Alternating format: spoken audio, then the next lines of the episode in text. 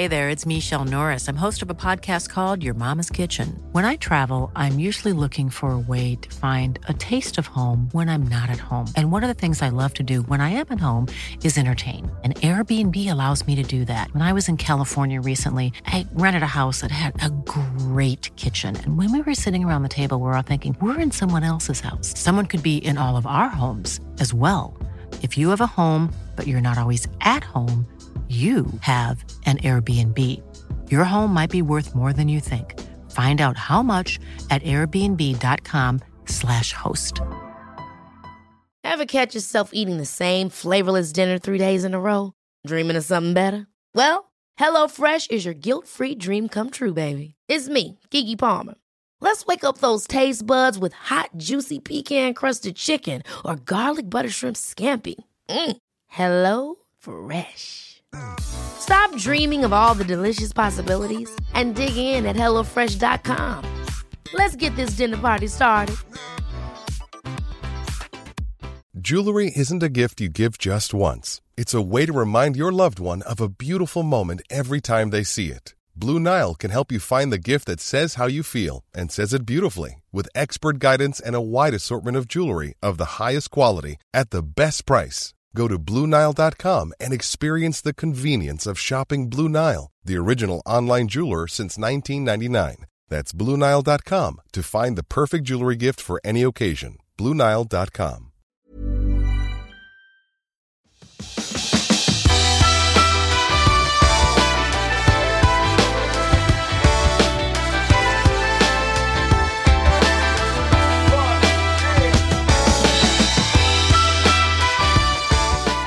Hej och välkommen till Klimakteriepodden med mig, Åsa Melin.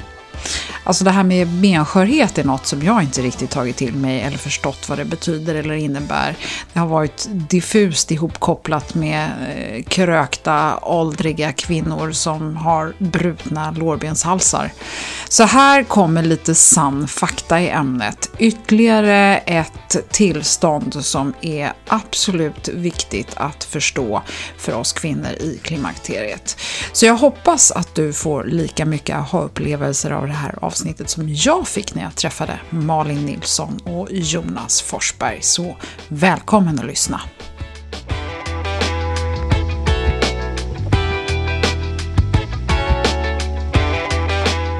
Malin Nilsson och Jonas Forsberg, varmt välkomna till Klimakteriepodden. Tack så mycket. Tack snälla. Här ska vi prata om benskörhet. Mm. Ja. Ja, och varför jag har med er här det är för att ni är så bra på det här ämnet. Eh, Jonas med ditt förflutna som eh, proffsfotbollsspelare Mm, och eh, stämmer. elittränad, kan man säga så? Stämmer också. Ja, berätta gärna. Eh, bakgrund som professionell fotbollsspelare, precis som du nämner. Eh, den avslutades tidigare än jag hade önskat på grund av knäskador. Vid 25 års ålder så avbröt jag den då, men jag spelade i AIK i Grekland, diverse klubbar. Levde min dröm. Fantastiskt. Och där föddes mitt intresse för att eh, jobba med kroppen så att säga. Och jag märkte att man verkligen kan påverka fysiken med att ständigt och jämt eh, jobba fysiskt motstånd på olika sätt. Då. Sen utbildade jag mig på det här området. Jag Blev lärare och fotbollstränare på elitnivå. Så i fyra års tid har jag utbildat eh, ungdomar inom anatomi, fysiologi, träningslära. Hur de på bästa sätt kan utveckla sin fysik och framförallt bibehålla den över tid och hålla sig friska. Och nu de här senaste åren så har jag jobbat med någonting som heter Osteostrong här. Så att det har liksom hängt ihop det här med hur kroppen fungerar och, och mitt intresse för den. Mm, spännande. Och eh, Malin, du är forskare och du är doktor. Berätta vad, vad du gör, vad du är specialist på. ja, jag doktorerar i ortopedi. Jag är inte läkare utan materialvetare från början. Ehm, Och jag forskar på ett benersättningsmedel. Eh, jag doktorerade på ortopeden i Lund och tillsammans med en ortoped där tog vi fram ett benersättningsmedel som är ungefär som ett gips. Man sprutar in det inuti skelettet för att ersätta när skelett fattas. Det kan vara att man har tagit bort en tumör eller man har fått en krossskada eller en liknande skada som man behöver ersätta med nytt ben. Och man kan ta ben från sitt eget skelett, från eh, höftkammen, men då får man ju ytterligare ett operationssår. Mm. Eh, så därför är det väldigt bra att ha något syntetiskt som man kan ta från hyllan och det var det vi gjorde. Och nu säljs det i hela världen av ett bolag som heter Bonsupport. Eh, och när jag höll på att forska om det här benersättningsmedlet så kommer man ju in på det här med osteoporos och benskörhet därför att det är där man får de här krossskadorna. Benet är ju så skört så att det förstörs lätt när man ramlar och Mm. man får en Och varför är det här eh, ämnet så intressant för oss kvinnor som börjar närma oss eh, övergångsåldern och ålder överhuvudtaget? Ja, eh, ben är en levande vävnad som omsätts hela tiden. Det finns eh, en typ av cell som bygger ben och en typ av cell som äter ben och de två cellerna lever i jämvikt. Så byggs skelettet hela tiden. Det dör och det byggs om och det dör och det byggs om. Eh, så un- ungefär var sjunde år så får man ett nytt skelett. Ja. Eh, Och är det och- samma livet igenom? Ja, precis. Eh, Men det som händer för oss kvinnor det är att när man kommer i klimakteriet då försvinner könshormonet. Och då försvinner även jämvikten mellan de här benätarcellerna och benbyggarcellerna. Eh, och då äter eh, benätarna mer än vad benbyggarna bygger och därför förlorar vi bentäthet, alltså bendensitet. Ja, benet blir skörare och kan inte motstå de här vanliga krafterna som man har i sitt vardagliga liv. Det kan, vara, det kan bli så skört så att det räcker med att man sätter sig lite för hastigt på stolen, då kan en ryggkota gå sönder. Eh, man lyfter sitt barnbarn lite slarvigt liksom, utan att böja på benen och då kan en ryggkota gå sönder. Så att, eh, och, och vet man om att man är benskör då blir man rädd liksom för att ramla för att det är så eh, lätt att benet frakturerar helt enkelt.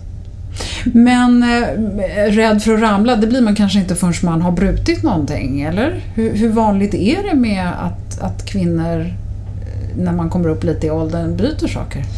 Ja, man brukar säga att benskörhet drabbar en av två, alltså varannan kvinna och var fjärde man över 50. Så har man fyllt 50 då har man en 50-procentig risk att få en benskörhetsfraktur under sin livstid. Oh, wow. Mm. Okej, då det känns ju som att, eh, herregud, då eh, måste vi ju hjälpa till på något sätt här. Vad, vad, vad, vad gör vi? Det, det mest naturliga motståndet vi har eh, att ta till här i människokroppen det är att belasta kroppen på olika sätt. Att röra på sig, att vara fysiskt aktiv. Det är ett sätt att trigga de här benbyggande cellerna som Malin pratar om. Gör man inte det så kommer de benbyggande cellerna inte att förstå att kroppen behöver vara stark och frisk. Eh, astronauter är ett sånt där extremexempel där vi tar en människokropp och flyttar upp den i rymden när den blir viktlös. Och helt plötsligt istället för att tappa ungefär 1% av din bendensitet per år så kan du tappa upp mot 10-12%. Bara för att den här belastningen på kroppen uteblir då så att säga. Och den är så viktig, det är en signal som benet hela tiden känner av. Så när vi går, står, springer, hoppar, lyfter, rullar, klättrar, hänger så får kroppen hela tiden en, en signal om att skelettet behöver finnas där och vara starkt. Så att vi har ett eget ansvar varje dag att eh, också motionera vårt skelett. Låter lite roligt men det är faktiskt så att, precis som Malin säger, skelettet är inte död massa som vi bär runt på utan det lever hela tiden och svarar precis som alla andra celler i kroppen på det vi ger den så att säga. Mm. Och den här benbrytarhistorien, eftersom den då verkar snabbare än byggarhistorien, så känns det lite deppigt hur, hur man än gör. Kan man bromsa här? Kan man skaffa jämvikt? Hur, eller hur, vad, vad ska man göra? Alltså jag tänker så här, många av oss gillar ju att vara ute i naturen och gillar att promenera och sådär, men det låter ju inte riktigt som att det är det som räcker. Om jag får fortsätta där så får Malin komma in sen och, rä- och rätta mig. Så är det, är det så här att eh, forskning är gjord på allt möjligt när det kommer till skelettet. Det finns ungefär 25 000 studier tittat på vår människokropp och skelettet eh, specifikt då. Och det man har sett är att de människor på vår jord som fortsätter att röra sig likt vi gör när vi är barn. Alltså att när vi springer och hoppar. Jag menar alla som har sett ett barn röra sig en halvtimme på förskolan är ju helt imponerad över den liksom, mängden energi och kraft som de utsätts för när de springer runt och hoppar. Det här slutar vi ju göra oftast efter 25, 30, 40, 45 där någonstans. Då, då ser det inte ut så längre. Vi rör oss inte på det viset.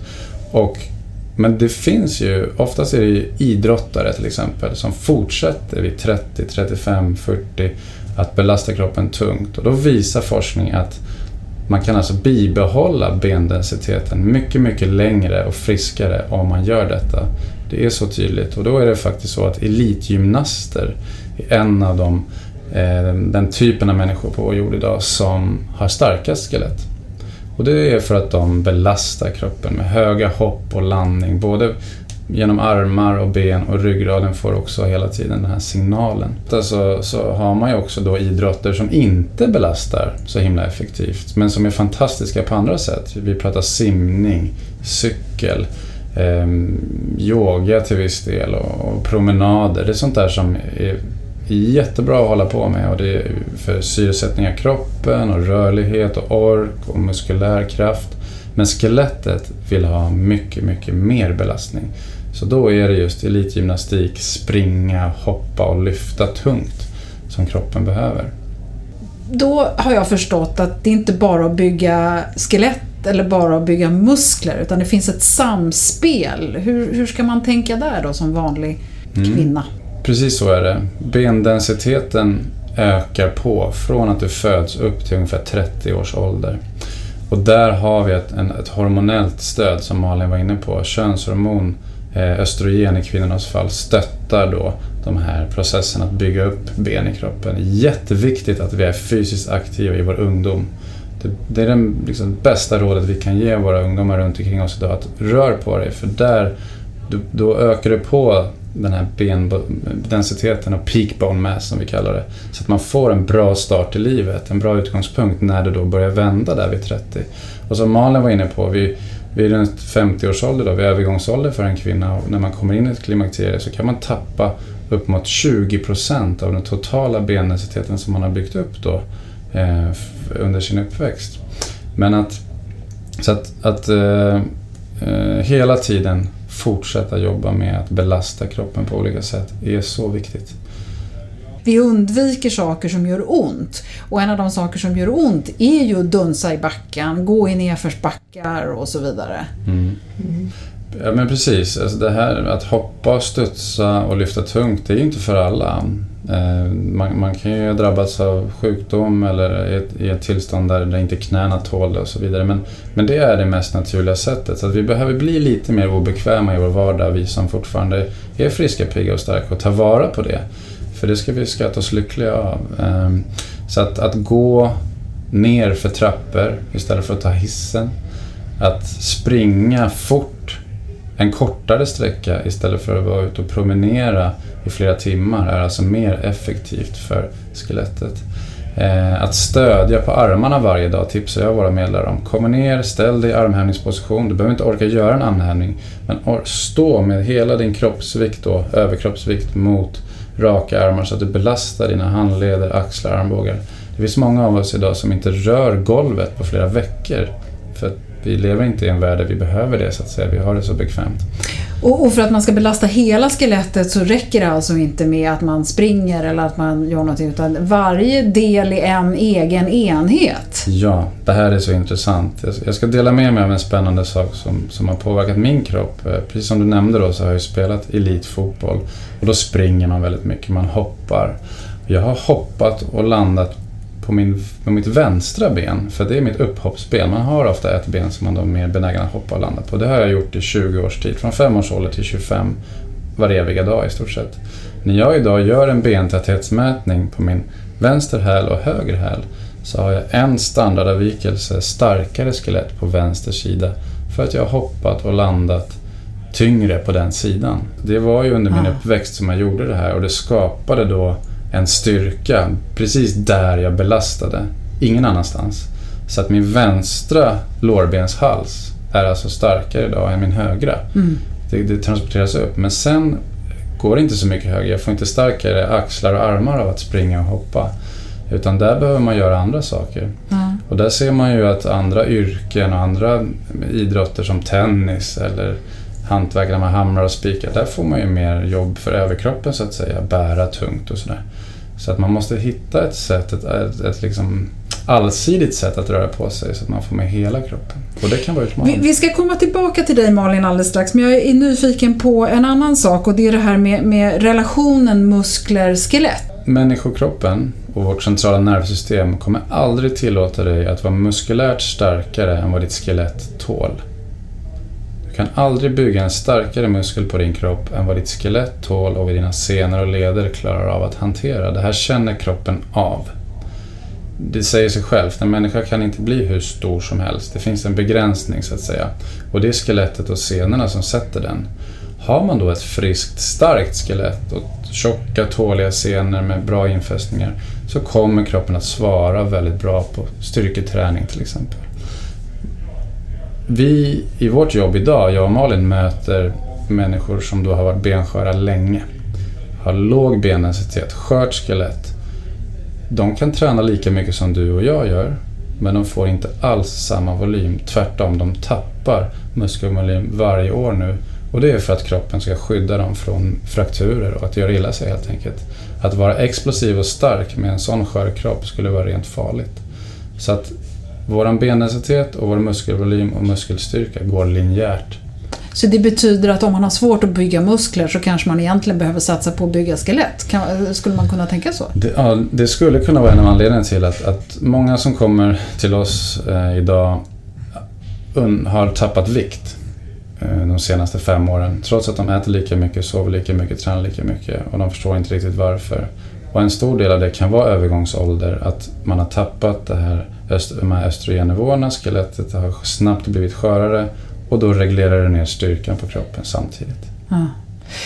Malin, eh, jag vill komma tillbaka till den här medicinska eh, kopplingen när vi pratar om östrogen som går ner och, och så. Hur, hur, och du berättar då med den här förnyelsen och så vidare. Vad, vad, förutom den här muskulära och belastningsbiten som inte är helt självklar för alla. Vad kan man mer göra för att motverka den här benskörhetsprocessen eller nedbrytande processen? Ja, man kan ju se till att det finns byggstenar i kroppen så att så skelettet har möjlighet att bygga sig starkare. För om man belastar skelettet så ger man, precis som Jonas säger, man ger skelettet en signal om att bygga sig starkare men då måste det finnas de här byggstenarna att, att ta från. Eh, och då är det framförallt kalcium som behövs. Så eh, det tas ju upp från blodet och för att man ska kunna ta det från blodet till skelettet så krävs det att man har D-vitamin. Och D-vitamin bildas i huden när solen lyser på huden. Så därför är det viktigt att vara ute i solen, gärna mitt på dagen, eh, för då kan man tillgodose sig den här sol, solenergin, eller vad man ska säga, som då blir en vitamin inne i kroppen. Och då är det framförallt ansikte och underarmar som man ska då utsätta för solljus. Eh, här på vintern är det svårt att få tillräckligt med solljus på sin hud. Och då kan man äta D-vitamin i tablettform. Mm. Och betyder det att man då, bara för att man får i sig D-vitamin, betyder det att man bygger skelett? Nej, alltså, man måste ju ha den här triggern, alltså man måste belasta sitt skelett så att kroppen vill bygga mera skelett. För att om man får i sig D-vitamin men inte belastar det så blir det ingen effekt, förstår jag rätt? Ja, inte, inte för skelettet. D-vitamin är ju jättebra för många andra saker. Så jag tycker absolut man ska ta D-vitamintillskott på vintern. För det är antiinflammatoriskt och har en massa andra goda egenskaper som är bra att ha. Mm. Man pratar ju mycket om kalciumtillskott. Ja, det här med kalcium är lite, lite, lite lurigt för att eh, man får ofta kalcium och D-vitamin i en kombinationstablett. Det skrivs ut på rutin från sjukvården. Eh, men man tar inte så ofta blodprov och ser liksom kalciumnivån i blodet. Och många tror jag får i sig mycket kalcium för att man äter yoghurt eller man äter mörkgröna grönsaker. Spenat innehåller jättemycket kalcium, broccoli och då kanske man inte behöver ha kalciumet. Då får man kanske en för hög nivå av kalcium i blodet. Och vad händer då? Då kan man då få åderförkalkning eller så kan man få njursten. Det är de två riskfaktorerna som finns. Så har jag fått en lyssnarfråga och det är sköldkörtel och bisköldkörtlarnas koppling, koppling till kalcium och benskörhet. Kan, kan vi komma in på det? Ja, det är jätteintressant. Eh, det är många som lider av sköldkörtelproblem eh, och när man då har en för aktiv sköldkörtel så att eh, den sänder ut mer hormon än vad som behövs, då gör det här hormonet så att det frisätts kalcium från skelettet. Och då är det svårt att bygga ben eftersom skelettet ska ju behålla kalciumet för att man ska kunna bygga ben. och så får man dessutom höga kalciumnivåer i blodet. Ja. Så, så, så det är det man kallar för höga kalciumjonernivåer? Är det så? Ja, precis. Ja, mm. okay. Och hur motverkar man det då? Alltså det är medicinering som gäller eller kan man ändra på sin träning eller dra ner på kalciumintag? Alltså hur vet man det här? Ja, oftast mår man ganska dåligt av att man har en sköldkörtel som inte fungerar. Det allra vanligaste är åt andra hållet, att sköldkörteln underproducerar. Då kan man bli lite deprimerad och känna sig trött och man får problem med vikten. Det får man även om den överproducerar. Oftast är det så, när den överproducerar så går man ner i vikt och när den underproducerar så går man upp i vikt. Mm. Um, men båda tillstånden kräver medicinering.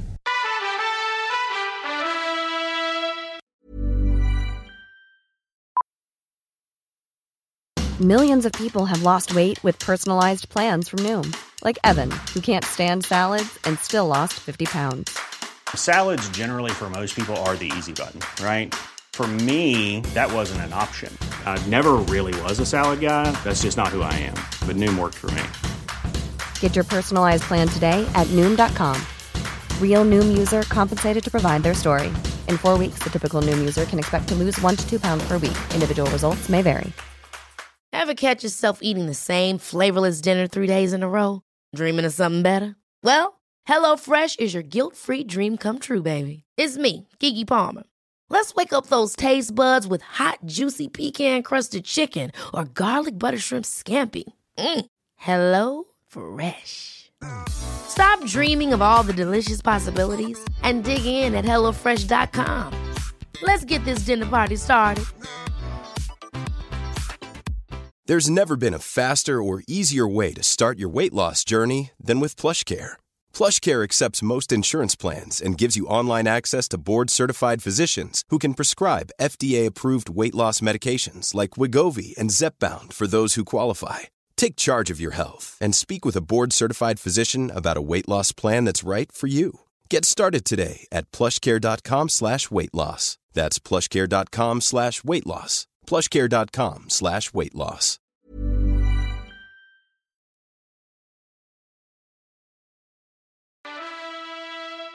Eh, om man misstänker att man är benskör, vad gör man då? Ja, då tycker jag att man ska gå till sin husläkare eller till sin vårdcentral och fråga eller be om att få en DEXA-mätning. Det är alltså man, då får man åka till sjukhuset och skanna sin kropp. Då får man ett direkt värde på vilken bentäthet man har. Eh, jag vet att det här är väldigt svårt men jag skulle ändå rekommendera att man gör det. Man försöker hos sin vårdcentral helt enkelt. Ja, och vad brukar svaret bli? Ja, då säger de ofta kanske att eh, har du brutit det? Och då säger man nej, det har jag inte. Nej, men då har du inte benskörhet. Men det svaret ska man inte acceptera utan man ska stå på sig och säga jag vill veta för att jag vill veta för min egen framtid. Jag vill inte bryta mig först och få problem av att jag hann bryta mig. Utan det är bättre att börja behandlingen innan man liksom får en skada. Men finns det några andra, vi pratade lite om det här med muskelbyggande, finns det några andra tecken på att man skulle kunna vara benskör? Går att se på sig själv eller sin omgivning? Ja, det kan synas på din hållning. Eh, du kan ha tappat mycket i längd. Eh, vikten har vi pratat om, muskulär kraft. Det kan göra ont det kan kännas i kroppen att man börjar bli benskör. Eh, alltså typ ledvärk ja, eller artroskänslor? Ja, eller? Jag, jag, har själv inte haft det, men de vi möter här varenda dag beskriver att det kan göra rejält ont i ryggen. Alltså i, i, ja, i benet så att säga, att det känns. Eh, du kan bli stel. En, ett friskt, ungt skelett är rörligt. Det, det sviktar och det kan böja sig när man hoppar och landar vilket gör att kroppen känns på ett helt annat sätt än när det är benskört och blir stelt så att säga. Men generellt sett kallas, kallas benskörhet för the silent disease, eller den tysta sjukdomen, för att den, den känns inte, den syns inte sådär uppenbart och vi tänker inte på den förrän man då, som Malin säger, får en fraktur. Och då har det ju gått väldigt långt. Nej, men då tänker jag också så här, du kanske bryter eh, en arm, men du har, för du har tränat som tusan i ben och höfter och så, för man är rädd för att bryta lårbenshalsen och sånt. Mm. Så det, det, är inte, för det här är verkligen en, ett uppvaknande för mig, att det, det, det, det räcker inte med att vara ute och dunsa och hoppa, man måste göra det med armarna också, eller gå på händerna då mm. emellanåt. Ja, det är många som gör det och det är inte så dumt. Nej. Men det är inte för alla. Nej. Eh, så det är inte lätt det här med att hålla skelettet ungt och starkt. Det är en utmaning för att det krävs så mycket liksom, belastning, men man får göra det man kan. Eh, för att allt gör skillnad så att säga. Det är inte, jag nämnde att promenader inte gav något större resultat men det är fortfarande mycket, mycket bättre att vara ute och gå ett par timmar om dagen än att sitta i soffan hela dagen. Det är en stor skillnad för hur skelett och senor och leder svarar. Mm. Men om du ska, likt en elitgymnast, öka din bendensitet från ena året till det andra då krävs det något helt annat. Då måste det vara flera gånger din kroppsvikt i form av belastning. Mm. Så jag skulle vilja backa bandet lite grann där och säga, eh, förtydliga att man, det är väldigt, väldigt ovanligt att man då skulle vara benskör i armarna bara och inte i benen. Då måste man ha gjort liksom något som till exempel Jonas har belastat ett ben jättemycket under sin ungdom eller gjort någonting annat speciellt. Eh, det allra vanligaste är att man, har man, får man en diagnos som heter benskörhet, då är man benskör i hela sin kropp helt enkelt. Okej. Okay. Eh, vad, vad, finns det för saker förutom ålder och sjunkande östrogen som påskyndar eller kan förstöra skelettets förmåga att hålla sig friskt och starkt? Ja, jag tänkte säga det att om man tittar i sitt fotoalbum på sin familj, hur mamma såg ut eller hur mormor såg ut eller en moster, då kan man också få en liten indikation om man ligger i, i riskgruppen för att få benskörhet, för det är en väldigt stark ärftlighetsfaktor. Så vet man med sig att, ja, som min mamma till exempel, hon bröt handleden när hon var 55 och sen fick hon en ryggkotsfraktur några år senare och nu har hon precis brutit två revben. Så jag vet ju liksom vad som väntar mig när jag blir äldre. Ja. Finns det andra saker som kan förstöra skelettet? Ja, det är ju om man har en sjukdom som kräver till exempel kortisonbehandling. Det är någonting som bryter ner skelettet också. Kortisonet självt bryter ner. Ja. Vad finns det för livsstilsfaktorer man ska tänka på? Ja, livsstil, det är, som vi var inne på, man behöver leva ett aktivt liv. Man behöver vara ute i solen, belasta sitt skelett. Inte röka eh, och inte dricka för mycket alkohol. Utan äta sunt och leva sunt. Mm, okay. Om man ska öka sin bentäthet måste man samtidigt träna muskler? Det lät liksom plötsligt som att oj, oj, oj, om jag fokuserar på det ena så går inte det utan... Alltså hur, hur ska man liksom ta in den här faktorn i sitt liv? Vi ska inte krångla till det. Eh, muskler, senor, leder och skelett sitter ihop. Eh, det kallas för rörelseapparaten i kroppen. Så du kan aldrig bara träna en av de delarna isolerat. Alla tre delar kommer att vara med i vad ni än gör, så att säga, mer eller mindre. Eh, så att eh, ta rådet, titta på dig själv, fundera på om du på något vis kan komma åt mer fysisk aktivitet i din vardag och gärna sträva efter att det blir lite tungt så att säga.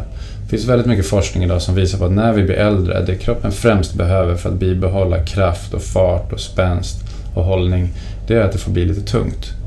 Och ofta drar vi oss bort från det när vi blir äldre. Vi ursäktar oss med att vi blir lite äldre så nu Ja, man vill vara försiktig för att inte skada ja, sig, tänker ja, jag. och det ska man vara. Eh, man måste vara noga med vad man gör eh, om man ska öka på belastningen nu. Säg att man kanske inte har gjort, man har inte sprungit och hoppat på 10-20 år. Då kan det vara rent skadligt att börja liksom med för mycket av den varan, så att säga. Men att bara liksom ta trapporna upp och ner varje dag istället för hissen är en sån här jättebra grej att börja med för, för ben och höfter till exempel. Och sen som jag sa, komma ner och stödja på armar och liknande i olika, stå i plankan och hela den här biten. Det är en bra början för att kroppen ska vänja sig vid tryck och belastning på, på, på skelettet. Mm. Hur hänger balans ihop med det här? Det är jätteintressant för det vi ser här när vi börjar belasta kroppen tyngre och då med musklernas hjälp tar oss dit. Alltså att du får spänna musklerna till max. Så att säga. Du får ta i mer eller mindre allt vad du orkar på ett sätt. till exempel då, eller nu börjar jag träna mer. Det som händer är att du får koppling mellan hjärna och muskler som påskyndar då eh, signalen däremellan. När du föds så kan du inte stå upp. Det tar dig ett år att lära dig det ungefär. Det är en kommunikation som du bygger upp mellan hjärnan och muskulaturen, en signal i vårt nervsystem. Och sen är det lite vingligt där första året men det blir ganska snabbt bättre och någonstans vid 25-30 års ålder då pikar oftast vår balans. Där är den som snabbast. Vi reagerar snabbt och får fart på eh, ja, är vi på väg att tappa balansen så ska vi snabbt korrigera det och det är ju våra muskler som gör det jobbet. Så tappar du muskelstyrka och börjar liksom få ont och bli svag i leder så kommer det direkt sätta dig på din balans. Så att, eh, vi ser ju att ju äldre vi blir ju sämre balans får vi. Men det handlar mest om vad vi gjorde förut och har slutat att göra så att säga. Vi har slutat att springa, hoppa och snurra och aktivera musklerna på det sättet. Men att, att, träna sin balans, det här med till exempel stå på ett ben mm. och blunda och såna här saker. Hur, hur, kan det vara en fördel då? Ja, det är ju fantastiskt. Alltså, en klassiker är att stå på ett ben när du borstar tänderna. Du håller ju ändå på där i två minuter, så ta en, en minut per ben varje dag gånger två då, för du ska ju borsta både morgon och kväll. Så har du börjat med någonting eh, som kommer ta dig ganska långt. Eh, och sen att för den som har varit väldigt stillasittande och bara börjar gå eh, liksom ett par kilometer om dagen från att inte gjort det alls kommer man se stora skillnader på balansen snabbt. Skulle du flytta steget ännu längre till att börja jogga lite grann istället för att gå så är det ytterligare en, en påverkan på balansen. Och kan du börja styrketräna och kanske ta i lite tungt med då framförallt benen i det här fallet så kommer du se ännu bättre effekt. Dans är en sån här jättebra grej för då koordinerar du armar och ben och du snurrar och rör dig. Så gympa, dans, alla sådana här typer av aktiviteter, superbra för balansen. Eh, ja, och en annan sak som är viktigt med balansen det är att eh, man undviker att ramla om man har en bra balans. Så då kan man ju leva längre med benskörhet utan att få en fraktur naturligtvis. Ah, okay. Så det är ju två aspekter i det här med att ha benskörhet. Dels är ju skelettet väldigt svagt men om man inte ramlar kan man ju leva många, många år utan att få en fraktur naturligtvis. Ah. Så det är viktigt med balansen. I, i, I världen så är alltså Sverige ett av de länder som har störst utmaning med, med benskörhet och osteoporos. Vi har 70 000 frakturer om året kopplat till låg bendensitet. Malin nämnde att varannan kvinna över 50 kommer att bryta ett ben till följd av benskörhet. Det här är ju en liten nymodighet också. Vi blir ju äldre. Förr i tiden blev man inte mycket mer än 50-60. Man hann inte bli benskör, skelettet hann liksom inte komma dit. Idag är det inte ovanligt att vi blir 80, 90 eller, eller 100 år. Det är inget som Aftonbladet skriver om längre om någon fyller 100 år. Det, det är inget konstigt. Plus att vi då har en ungdom idag som rör på sig mycket, mycket mindre. Så att vi förväntas alltså ha lägre bendensitet när vi är 30 på grund av inaktiv uppväxt, mindre belastning på kroppen. Och sen förväntas de här ungdomarna att också leva längre, att bli 80, 90 och 100 år gamla. Men deras skelett kommer att börja bli skört redan vid 50-60. Så att runt 14 miljarder betalar vi om året här i Sverige om man räknar alla omkostnader för att lappa ihop våra skelett. Och varför, varför är det så högt i Sverige? Vi är, det är ju brist på D-vitamin som Malin har pratat om, solljus. Det är, den, det är den starkaste gemensamma faktorn för de länderna som ligger sämst till. Vi har ju Norge och Danmark och Finland, alla de här länderna är med oss här, vi ligger samma, sitter i samma båt. Och sen är faktiskt Sverige ett av världens mest stillasittande folk. Belastning uteblir. Mm. Så det är en väldigt dålig kombination. Och kosten vill jag tillägga där. Om man jämför vad vi äter eh, med Sydeuropa till exempel så äter de en kost som är bättre för skeletthälsan än vad vi gör. Mm. Bra Malin. Och sen är det också så att klimatet skapar halkolyckor halvårsvis. Vi har också is som vi är ute och knallar på vintertid. Eh, som också då självklart gör att vi ramlar oftare på gatan och då också bryter oss. Mm. Vi är här idag på ett företag som heter OsteoStrong och det är ett koncept som är utvecklat för att motverka benskörhet.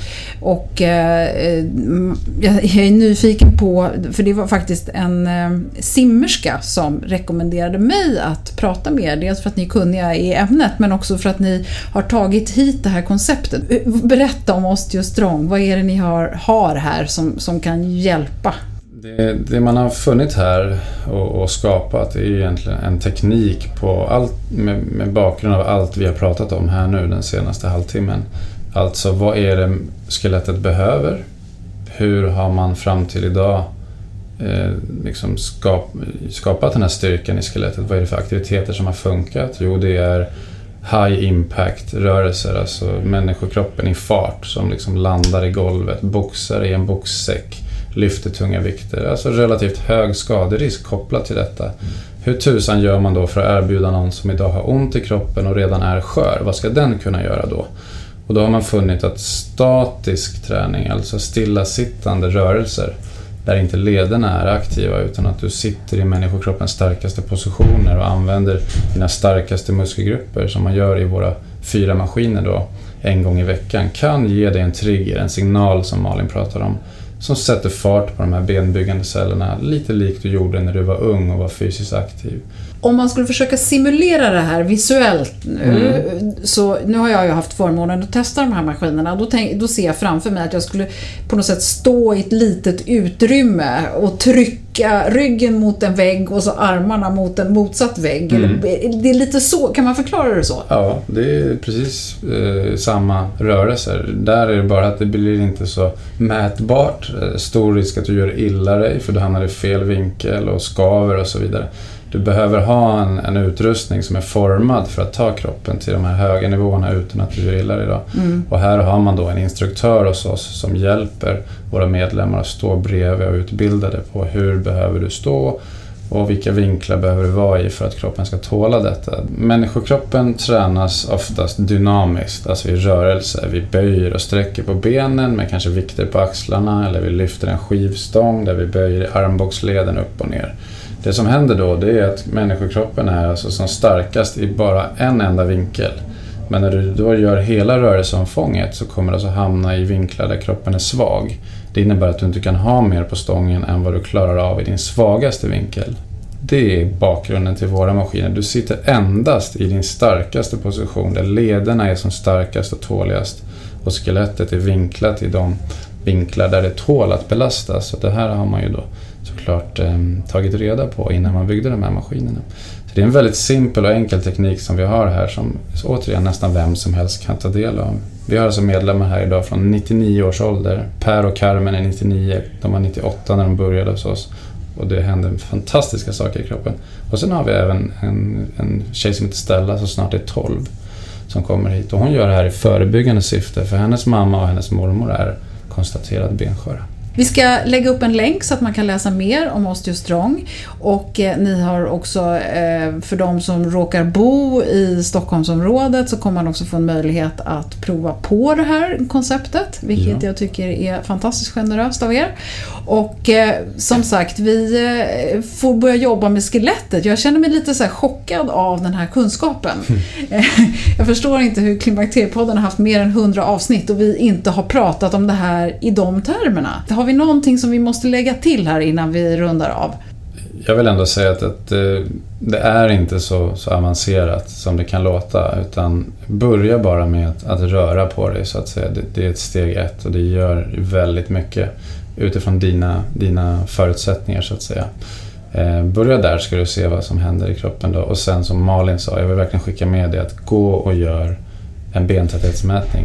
Är, särskilt om du är en kvinna över 40-50 år för då är du på väg. När man kommer i klimakteriet så brukar man prata om att man förlorar kanske 2% av sin benmassa varje år.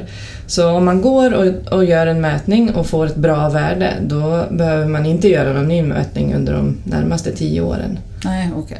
Okay. okay. Och får man ett dåligt värde så tar det inte 10 år eller 7 år innan skelettet har förnyat sig och, och få ett bättre resultat heller. Nej, precis. Utan vi ser ju äh, här på Osteostrong att vi har medlemmar som får bättre bentäthet efter 6-12 månader. Ah. Härligt! Ny kunskap. Jonas Forsberg och Malin Nilsson, tusen tack för att ni kom till Klimakteriepodden. Nu får ni, eh, vi sitter här i ert personalrum ja. och det är fullt med folk och tränar. Så att ja. Eh, ni har massor med folk som väntar på er. Så jag är jätteglad för att jag fick er tid idag. Jättekul att få vara med. Tack snälla. Tusen tack.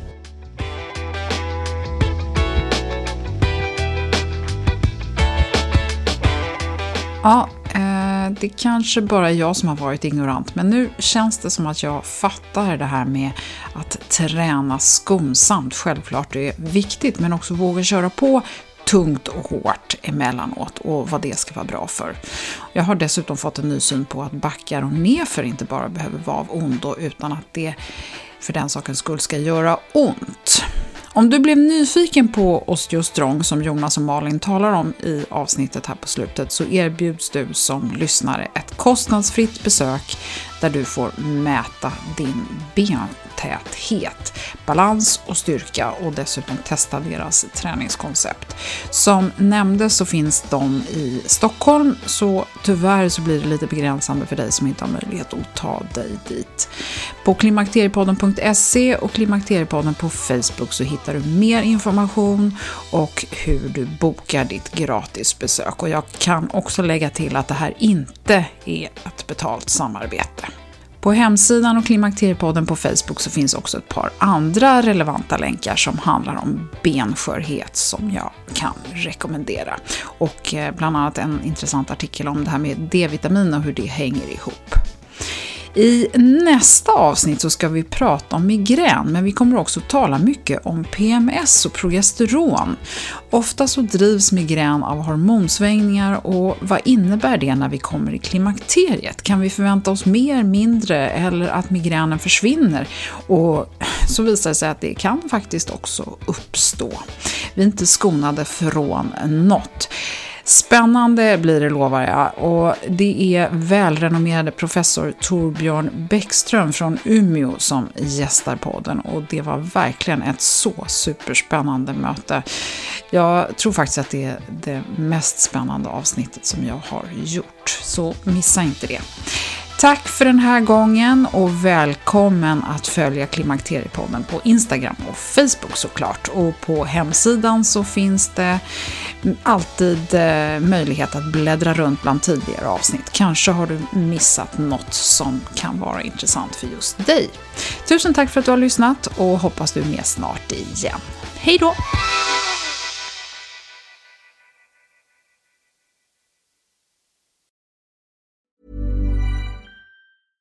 Ever catch yourself eating the same flavorless dinner three days in a row? Dreaming of something better? Well, HelloFresh is your guilt-free dream come true, baby. It's me, Gigi Palmer. Let's wake up those taste buds with hot, juicy pecan-crusted chicken or garlic butter shrimp scampi. Mm. Hello Fresh. Stop dreaming of all the delicious possibilities and dig in at HelloFresh.com. Let's get this dinner party started. Mom deserves the best, and there's no better place to shop for Mother's Day than Whole Foods Market. They're your destination for unbeatable savings, from premium gifts to show-stopping flowers and irresistible desserts. Start by saving 33% with Prime on all body care and candles. Then get a 15-stem bunch of tulips for just $9.99 each with Prime. Round out Mom's menu with festive rosé, irresistible berry chantilly cake, and more special treats. Come celebrate Mother's Day at Whole Foods Market.